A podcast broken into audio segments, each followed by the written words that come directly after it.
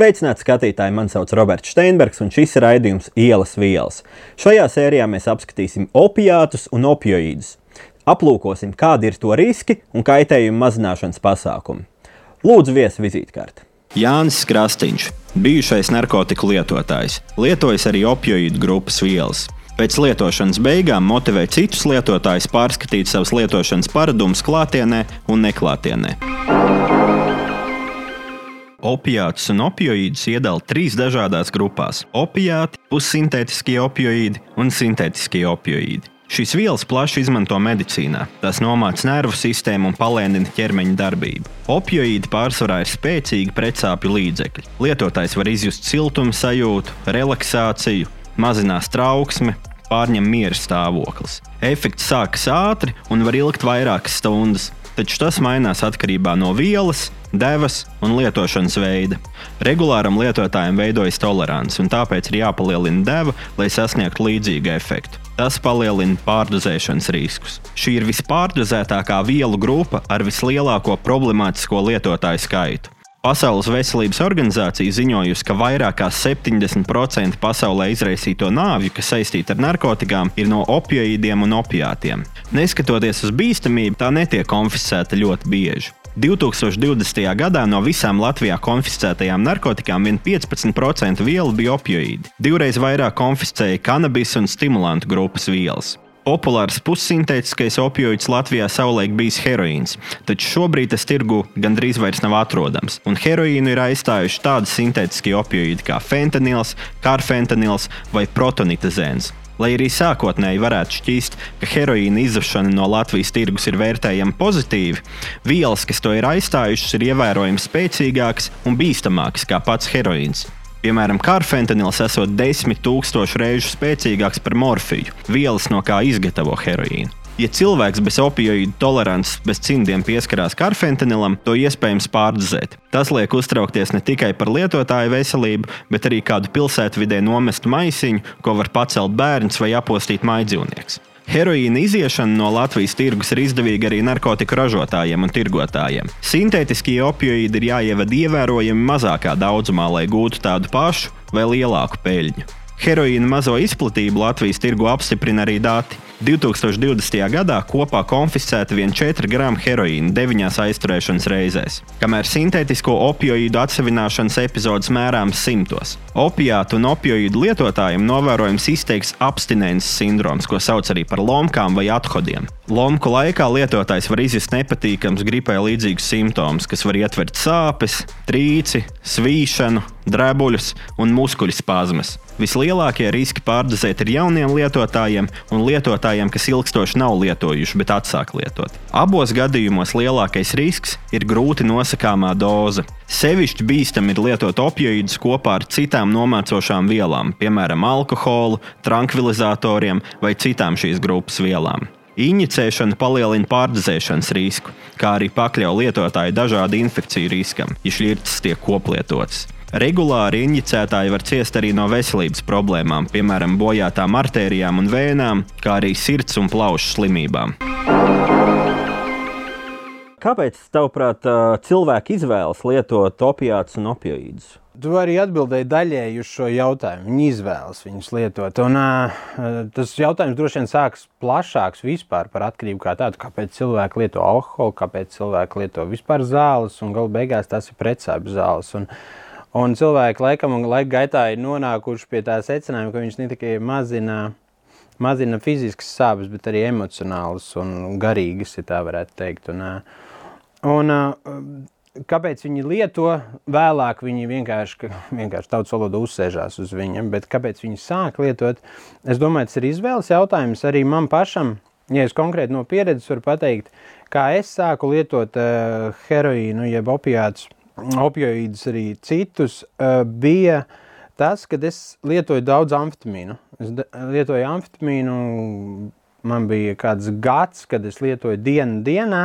Ar laiku, protams, ir cilvēks sabiedrībā jāiet runa par to heroīnu, ka viņš tā kā nu, ir, un kā no vienas puses man ir bailīgi, jo viss par viņu runā, un kā, un es īsti nevaru saprast, bet tad tu tā kā ieeji tajā sabiedrībā, un tu redzi, ka daži cilvēki viņu lieto neregulāri, bet viņu lieto, Un tas palīdz nu, tādā tautas valodā sakot, noņemties no uh, amfetamīna uh, blakus efektiem, kas ir pēc tam. Tad es nevaru gulēt, es neesmu tur dienām gulējis, varu līdz nedēļai pārpat pa nedēļu negulēt, staigāt, tu neesi ēdis, tev ir viss dreb iekšā, trīc, trauksme. Tu, tu īsti nevari saprast, un līdz ar to, lai no šī noņemtu no šo efektu, tu vari paņemt heroīnu, jeb šos opioīdus, un viņš noņemās principā tev 10 sekundžu laikā. Tu uzreiz jūties labāk, tu esi mierīgāks, tev visu atlaiž, tu vari ēst, tu vari pastīties teļu beidzot un aiziet gulēt. Tas savā ziņā uh, palīdz tam amfetamīnu lietotājam noņemties no, tā, no tām, tā, tām problēmām, kas nāk pēc tam, un tajā pašā laikā uh, Jo tu biežāk lieto to, un tu sāc mainīt vienreiz to, vienreiz šito, vienreiz to, vienreiz šito, un tu lēnām sāc uzsēsties uz tā heroīna. Un tas ir viens veids, un īstenībā diezgan populārs veids arī uz ielas, kā, kā, kā viņi uzsēžas. Pēc tam, protams, ja mēs skatāmies plašāk sabiedrībā un arī pasaulē, mēs redzam, ka uh, tas tiek izrakstīts pēc operācijām, pēc uh, pēc kaut kādām sāpēm, kroniskām vai kaut ko tādu, un cilvēki lēnām arī uzsēžas uz viņu. Skatoties, arī bijis es pats rehabilitācijas centros, kur arī cilvēki no tā diezgan daudz eh, tā atlaužās. Interesanti tas, ka ne visi cilvēki pat uh, ir tādi, kas ienāk, viņiem ir šis, viņi atlaužās, viņiem divas, trīs nedēļas, un viņi saka, nekad mūžā viņi iziet ārā un vispār saka, kaut kāds stūbums. Par, nu, tā nevar darīt. Nu, tas ir tā, ka Viņi ļoti objektīvi, normāli paskatās uz to lietu. Jā, es biju, man bija fiziska atkarība, bet emocionālā piesaiste viņiem nebija. Tad viņš iziet ārā un pilnīgi normāli ir. Bet ir otra daļa cilvēks, kas ir laikam šie 10% lietotāji, kas pāriet jau problemātiskajos lietotājos un kas patiešām uzsēžās. Un um, tiem ir tā, ka viņiem viņi atlaužās, viss kārtībā, tu izjām ārā no sistēmas, viņš skaidrā un viņš pēc kāda brīža atkal noraujās un viņam vajag viņu. Tieši, ja mēs no atkarības skatāmies, eh, cilvēks, cilvēks kā saka, ja, ja cilvēks ir alkoholiķis, nu viņš šodien beidz dzert, viņš skaidrā, nu viss, nu, nu kā jau viss, nu kur ir problēma, ne? Viss tur šodien skaidrā apsveicam, viss varat iet mājās. Nu, tā kā, un savā ziņā to detoksikāciju dara narkoloģijas centros. Tā kā, nu, Viss nu, nedara vairāk, viss nu, nelieto. Tas nu, tāds absurdi. Tāpēc arī jāstrādā pēc tam. Bet, bet tas, tas darbs jau ir pilnīgi atsevišķa tēma un atsevišķa lieta, bet tieši šī fiziskā jā, atkarība, nu, tā ir izvēles jautājums. Man pašam heroīns un šie visi, kas sit uz leju, kā, tās visas vielas man īsti nebija manējās. Man bija vairāk, es viņus lietoju, bet šādā veidā, kā es izstāstīju, viņam uzsēdos. Bet uh, man patīk vairāk stimulanti, kas ir zauž kaut ko darīt, tur iet un darboties un, un, un kaut kādas domāt, un nezinu, paņemt kaut kādas citas vielas un spēlēt šahu. Nezinu, 3-6 stundas no vietas, baigi forši. Bet tagad, kad paliek slikti, aiziet opiāti. Nu, tad atkal tā, un izguļās, un atkal miers, un atkal mācās aplis sākās no sākuma. Jā. Tev bija vēl piere, eh, iespēja pamēģināt Latvijā heroīnu, eh, tad vienā brīdī heroīns gandrīz vispār izzuda. Varbūt var paraksturot tās atšķirības, kas ir piemēram starp heroīnu un starp tiem jaunajiem sintētiskiem opioīdiem, tur fentanils, karfentanils. Tīri no, no cipariem jau mēs redzam, jau arī sižetā bija karfentanils ir 10 tūkstoši reizes stiprāks par morfiju. 500 reizes stiprāks ir parastais fentanils, līdz ar to viņš ir agresīvāks, bet arī pašā laikā viņš biežāk jālieto. Uh, un, un, un doza aug, un uz ielas ir īpaši tiem cilvēkiem, Uh, es atceros, pats vēl lietojot. Nu, tad man atnesa, es aizēju kaut kur, kaut ko nopērku kaut kādā mistiskā rajonā, un man te iedod tur kaut ko satikt, un tu attini vaļā, un tur tāds maziņš gabaliņš, ja mums čekos ir viena desmitā daļa no grama ir čeks. Tu attini vaļā, un tur praktiski, nu, tā sākumā skatos, nekā nav. Tur nekā nav, tev tikai jāsajauc. Un, bet, Un, un tu jau nezini, kas tas ir. Un tas lietotājs, tas lietotājs principā, viņš uh, vienkārši uzticās tam, kas tur ir. Viņš viņu sajauc, mēs jaucam, un, un tu duries. Un, un jautājums, un tad tikai tad tas pirmais iedurās, tad tas skatās, nu, nu tad būs vai nebūs augšā. Nu, tā tas notiekās. Un ļoti vienkārši, principā, ā, bišķiņ kaut kas pa daudz. Nu labi, tad es paņemšu mazāk. Tā kā apstās, elpo, elpo, pagriežu sāni, ja vajag. Nu, un skatās, nu, jā, ja pārstāja elpot, zvana ātrajiem, un, un pašam bija gadījumi, kad ir, jā, braucam taksī, cilvēks uh, iedurās, un viņš uh, aizmieg. Un, Braucot. Jā, jā, jā. Nu, taksists brauc. Nu, mēs aizmugurē sēžam, taksistam paprasām, vai mēs varam visu izdarīties. Te viņš saka, jā, jā, viss kārtībā, tikai mierīgi. Un uh, viņš tur visu izdarās. Un, uh, Viņš ir miegs ciet, un, un, un tu brauc, un saproti, es viņu mūs, situ, situ. Tā kā es saprotu, nebūs, nebūs. Es saku, visu vajag ātros. Es saku tam. Viņš saka, ok, tūlīt apstāsimies, un, un mēs piebraucam tieši pie mājas, un ātrā palīdzība ir. Ah, nu, tad viss kārtībā. Tad iemetam viņu ātrajā palīdzībā, viņu atkačā. Es jau biju gājis mājā, tur, un viņš, neko, viņš nāk, atkal visu paveicās, viss kārtībā, nepaņem menti. Viss. Tur, tur nav stāsts, pat, un tas ir jau garāks stāsts par sistēmu kā tādu. Cilvēki vienkārši, varbūt tajā palīdzībā, ātrajā palīdzībā, varbūt varēja būt kāds cilvēks, kas saprot un var palīdzēt cilvēkam, bet viņam ir 75% man liekas, pēc statistika aizbēga no ātrās palīdzības. Virs 70 bija noteikti. Jā, jā, jā, jā. un tas ir vienkārši. Tev, nu, tavai tagad, tikko tu gandrīz nomiri, tagad mēs tevi sodīsim par to. Viņš saka, fu, viss kārtībā. Viņam caurums kaklā ir, viņš tikko ir atkačēts, viņš tikko nomira gandrīz. Fu, ment, nebūs. Viņam grib uzlikt vēl sodu. Nu, okay. Līdz ar to nu, sistēma tāda ir un tāds, tāds dotajā brīdī tieši tā arī tas funkcionē. Un, nu, un viņam jau ne jau tas, ka viņam tagad paņems tie, tā policija, viņam atbrauks un uzliks to sodu, vai viņ, viņam, bet viņš bija no, tikko no cietuma iznācis, tas bija cits stāsts, bet tā problēma ir tā, ka ne jau viņš maksās sodu, ja? ne jau viņš, bet viņam aizvedīs uz policiju, četras stundas paturēs, principā sabojās viņam dienu un izlaidīs viņu ārā. Nu, kāda jēga no tā ir? Nekāda sistēmai ir nenormālā nu, nu, noslodze no tā, uh, ir tiek krāts kaut kādu parādu kalni, kurus nu, 100% mēs zinām, ka neviens viņus nemaksās. Bet, nu, jā, nodarbināts ir policists, nodarbināts ir ātrā palīdzība, un cilvēks ir nosodīts un nokaunināts un, un, un palaists atpakaļ brīvībā, lai viņš turpina darīt to, ko viņš dara. Kāda tam ir jēga? Nezinu, pat grūti saprast.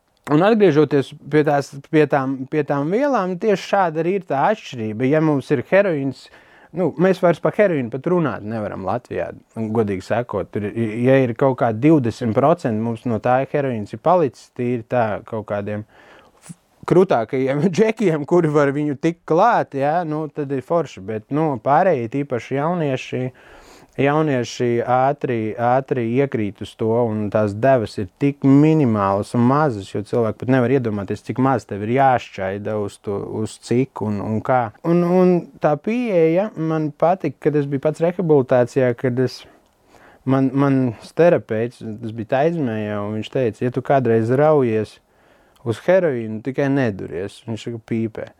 Nu, tas tāds padoms, ko varbūt cilvēkiem sabiedrībā dīvaini ja, ir klausīties, bet īstenībā tas ir nenormāli labs padoms nu, atkarīgiem. Jo iespējams, ka viņš norausies, bet viņš tā atcerēsies. Nu, labi, vai pirmoreiz uzpīpēšu. Nu, tas vispār ir interesanti, ka cilvēks tikko nomirst, un viņš, pār, uh, viņš uh, nevis priecājās, ka viņš izdzīvoja, bet pasaka, labi, ka menti neatbrauc.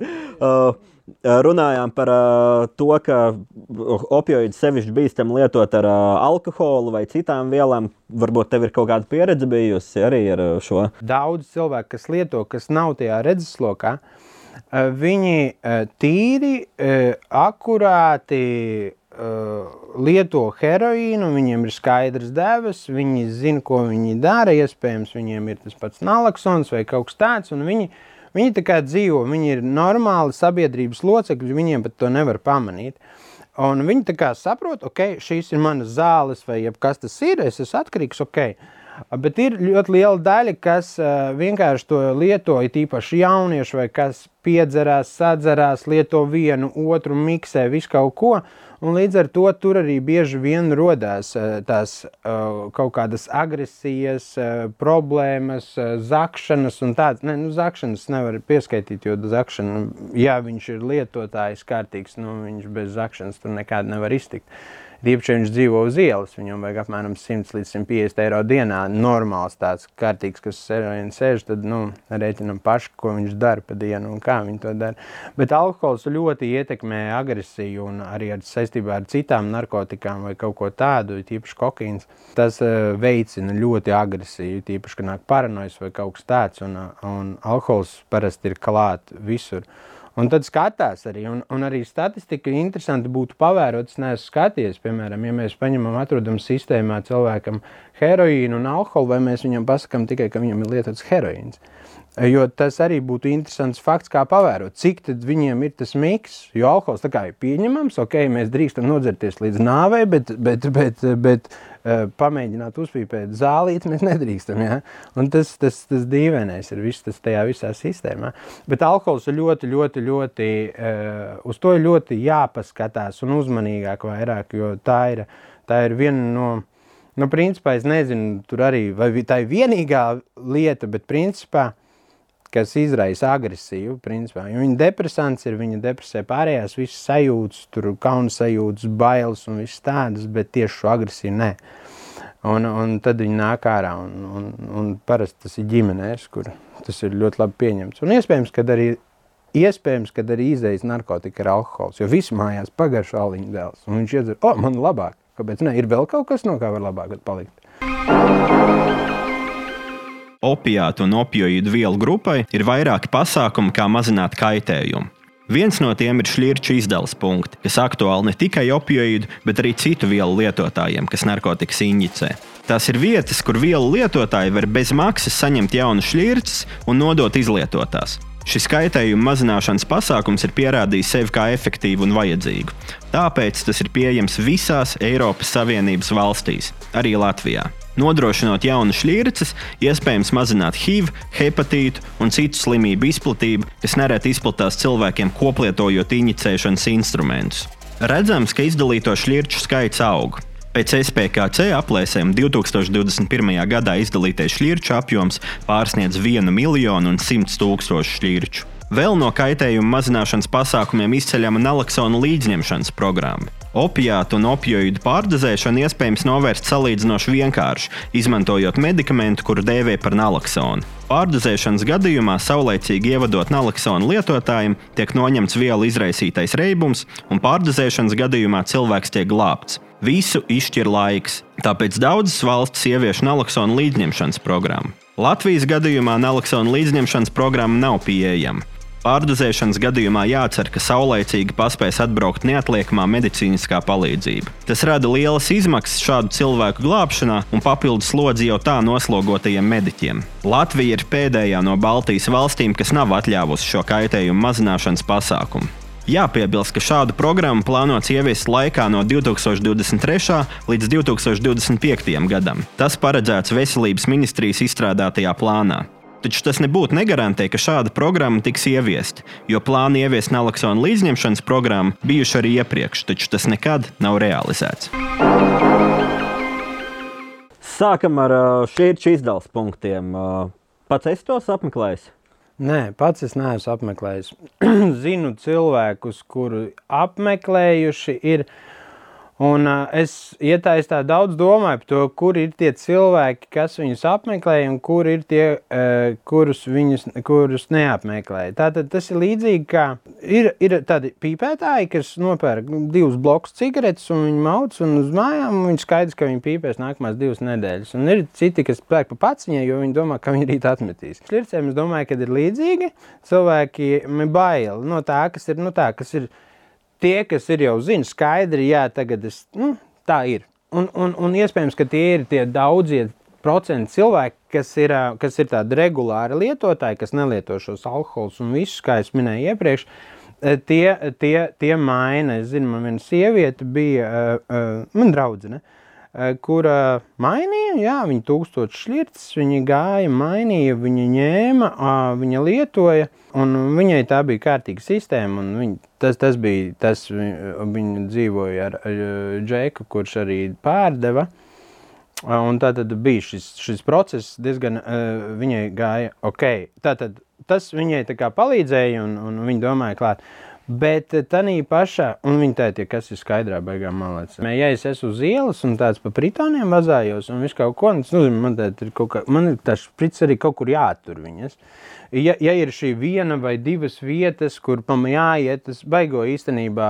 iedot tādu, tam jābūt, es domāju, kopā ar visu politiku kopā. Es ne, nesaku, ka tas ir tagad, tas var nestrādāt, tas ir slikti vai tas ir kaitīgi, absolūti nē, simtprocentīgi tas ir palīdzoši, bet tai visai sistēmai jābūt, jāiet vienā līnijā. Jo viena saka vienu, viena saka otru. Mēs tagad palīdzēsim ar šķircēm. Ja?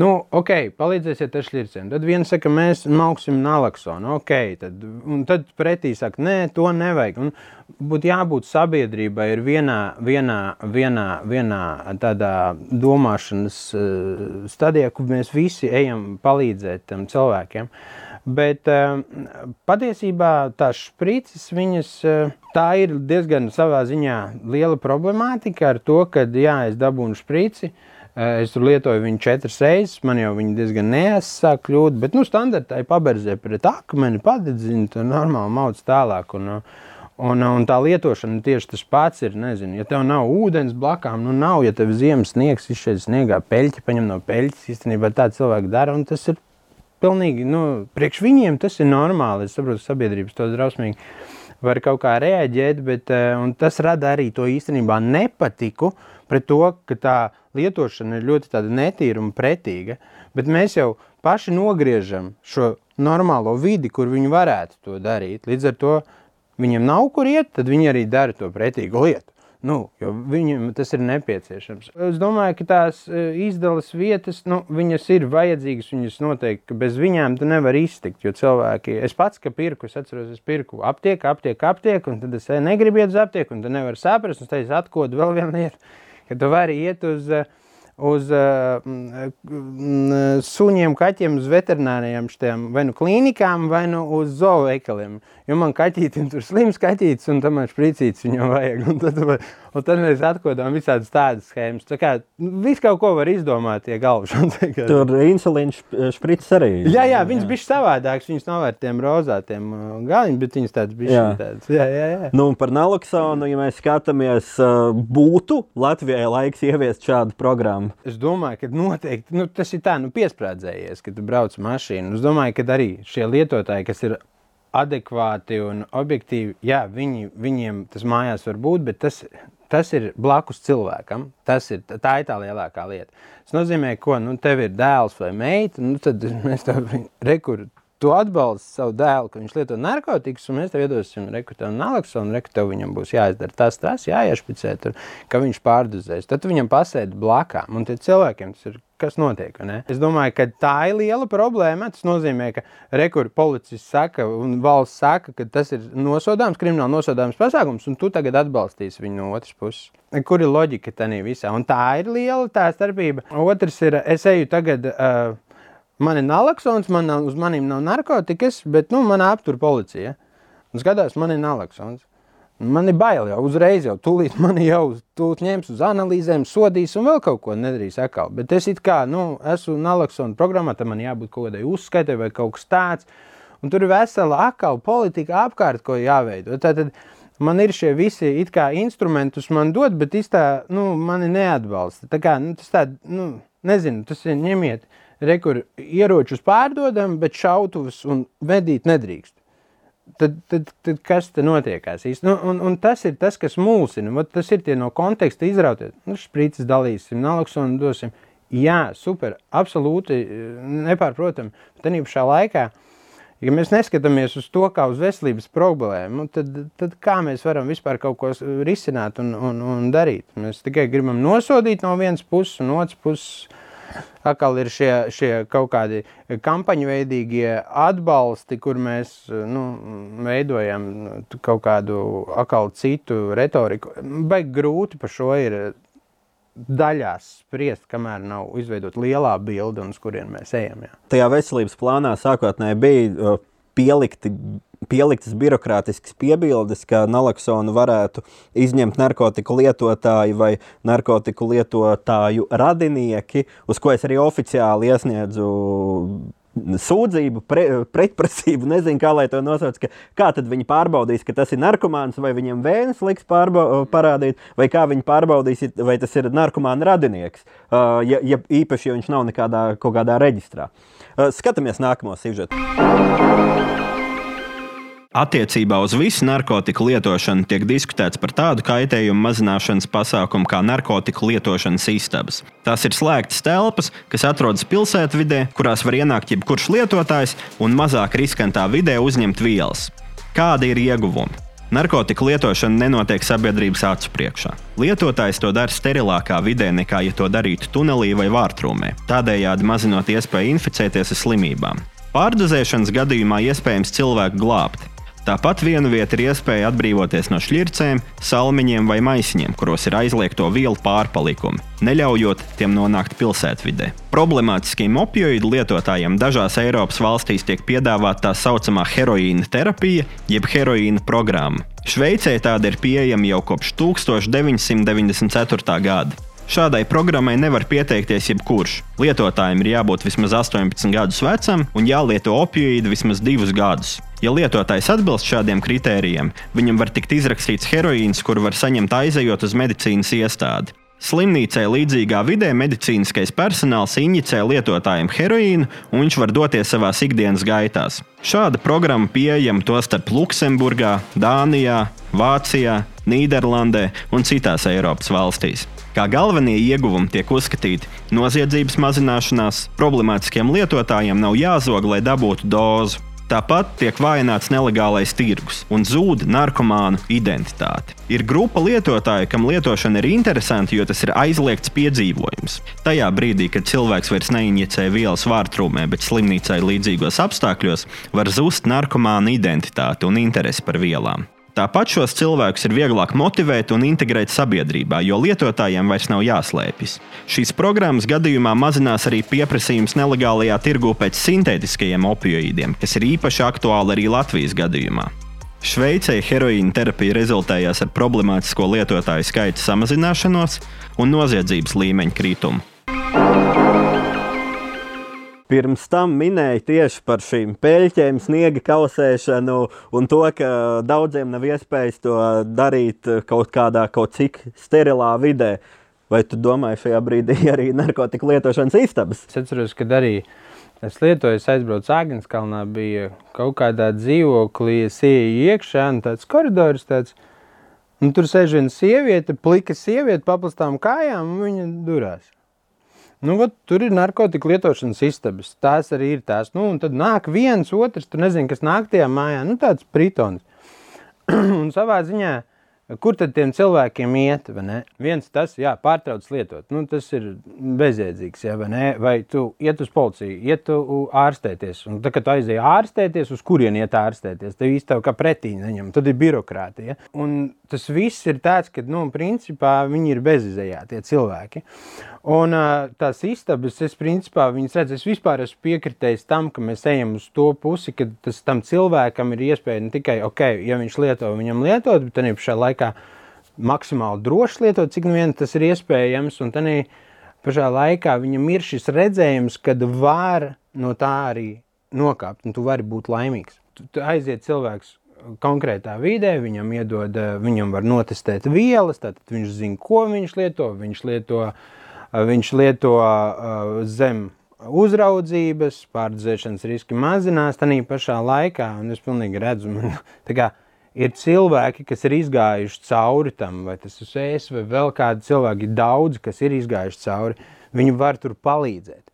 Tas pats, ja tas džeks atnāk, viņš tur padurās, viņam ir šis cilvēks blakām, viņš saka, jau klausies, es gribu pārtraukt lietot. Viņš saka, kas man jādara? Viņš saka, ok, nāc man līdzi, to parādīšu. Un nav nekāda problēma. Un tādā pašā laikā mēs nespiežam nevienam, mēs esam te blakām. Tad, kad viņš uzrunā, tad mēs viņam palīdzam. Un mēs viņam varam palīdzēt, un tādā veidā arī integrēt viņus atpakaļ sabiedrībā. Pat citreiz negribās teikt, atpakaļ, tā kā ir, mēs runājam par resocializāciju, bet cilvēki nav bijuši nekad sociāli, kā viņus, nu, kur atpakaļ. Viņam pilnīgi kaut kāds jauns veids. Un kā arī sižetā ir minēts par, par vispār par kopējo tirgu, bet man, man tāda sajūta tagad eh, rodās, ka vispār pasaulē eh, tā cīņa jau par to legālo un nelegālo tirgu iet, bet viņi iet no otras puses, kad piedāvā šīs metadonu programmas, buprenorfīnas un tādā veidā. Tātad viņas ir legālās vielas mēs piedāvājam, un arī melnajā tirgu viņas jau vairs nav tās nelegālā heroīna. Tur ir fentanīls, kas ir jau pieejams. Tātad spiež ārā atkal no otras puses. Un man liekas, ka nu, tā, tā farmakoloģijas puse jau ir savā ziņā pārņēmusi. Protams, tās ir nelegālais tirgus, bet tās nav nelegālās vielas vairāk. Un, jebkurā gadījumā tas jau notiek kaut, nu, no sāna un īstenībā nekorektā veidā. Bet pasaules praksi, pastoties to pašu Portugāli, kas ir vienkārši fantastiski, ko viņi ir izdarījuši, un citas valstis, kas arī seko Absolūti, absolūti tas, ir, tas būtu ar laiku nepieciešams. Kaut gan tagad mēs nevaram pateikt, ka mums ir tik, tik, tik drausmīga situācija, ja, kad ot, ir Filadelfijas ielas pasties, ja, ka tur visi guļ. Mums nav tā gluži. Bet, lai mums nebūtu tā, mēs varam pamazām, pamazām bišķītim sākt testēt, kā tas īsti strādā un ko tad īsti saka. Un sabiedrība, protams, teiks, jā, kad, ko jūs darat, tas ir šausmīgi, bet tev kāpņu telpā, viens durās un tev špricis mētājās, tev vairs tā nebūs. Un, viņ, nu, un cilvēkiem vienkārši viņi nespēja iekšēji atbalstīt, grūti viņiem pārkāpt šo, bet, nu, valdībā mums viss kaut ko dara, jau uzpiespiež kaut kādas visādas, visādas dīvainas lietas mums darīt un, un iet, un es domāju, bet šī ir viena no tām, kas ir palīdzoša, būtu skatīties tālāk, un caur kuru mēs virzamies atvesļošanās virzienā, ne tikai lietošanas tā kā, ok, tā ir un tā dzīvot, bet tie, kas grib, viņi var arī tikt ārā no tā. Un katrā ziņā atkarība pati par sevi, bez tām blakus efektiem un tiem nelegālajiem visiem uh, tripiem, kas ir tas raidījums, tad uh, viņi, viņi, viņa nav tik, tik drausmīga ār, sabiedrībai. Viņi, jā, iekšējie procesi ir daudz cilvēkos mentālai, garīgi un tā tālāk. Bet sabiedrības kaitējuma mazināšanai noteikti būtu palīdzoši. Jā. Un heroīna terapija. Heroīna terapija atkal skan briesmīgi, vai ne? Bet ņemot vērā, ka heroīna vairs nav, varbūt jāiet atpakaļ uz heroīnu. Būt. Nu, man bija tieši runāja kaut kad nesen ar esošajiem lietotājiem opioīdu un teica, Jā, viens tu zini, cik daudz junkiju būtu laimīgi, ja būtu heroīna terapija. Jo viņi beidzot varētu nokāpt no tās žoras, sabakas un visiem tiem sintētiskajiem opioīdiem. Jā, un tas ir, tas ir, tā, tas ir pirmkārt jau, jā, kad cilvēki, cilvēkiem būtu kaut kas veselīgāks, lai cik arī tas drausmīgi neizklausās. Es runāju, man nesen bija Džeks Anglijā, man zvanīja no Anglijas, viņš sēž uz metodonu, viņam, viņš, grib, viņš ir metodonā programmā Anglijā. Viņš saka, vai braukšu uz Latviju kā, vai, pie mums centrā. Uh, pabūt, bet viņam sākumā jāiziet detoksikācija. Viņš nevar iziet detoksikāciju, ja viņš nav no, nokāpis īsti no metodona. Ja viņš aiziet metodona programmā, viņš grib sākt samazināt uh, to devu. Viņam saka, nē, nu, jums tur papīri jāraksta. Sistēma viņam pat neļauj samazināt devu šodien. Es gribu sākt laboties. Saka, ne pēc divām nedēļām, divas nedēļas pēc šitā pamauksim, un no metadona ir nenormāli grūti nokāpt. Un, un grū, daudz grūtāk nekā no heroīna, un, un, un tā ir liela problēma. Tāpēc savā ziņā metadona programmai es daļēji nepiekrītu, tāpēc, kad mēs viņam samazinām iespēju pēc tam vispār nokāpt. No heroīna būtu daudz vieglāk nekā no metadona vai no, no, no tām fentanils un visas šīs uh, sintētiskās vielas. Paldies, ka atnācāt! Paldies, ka uzaicināji! Paldies, ka skatījāties! Tiekamies pēc divām nedēļām!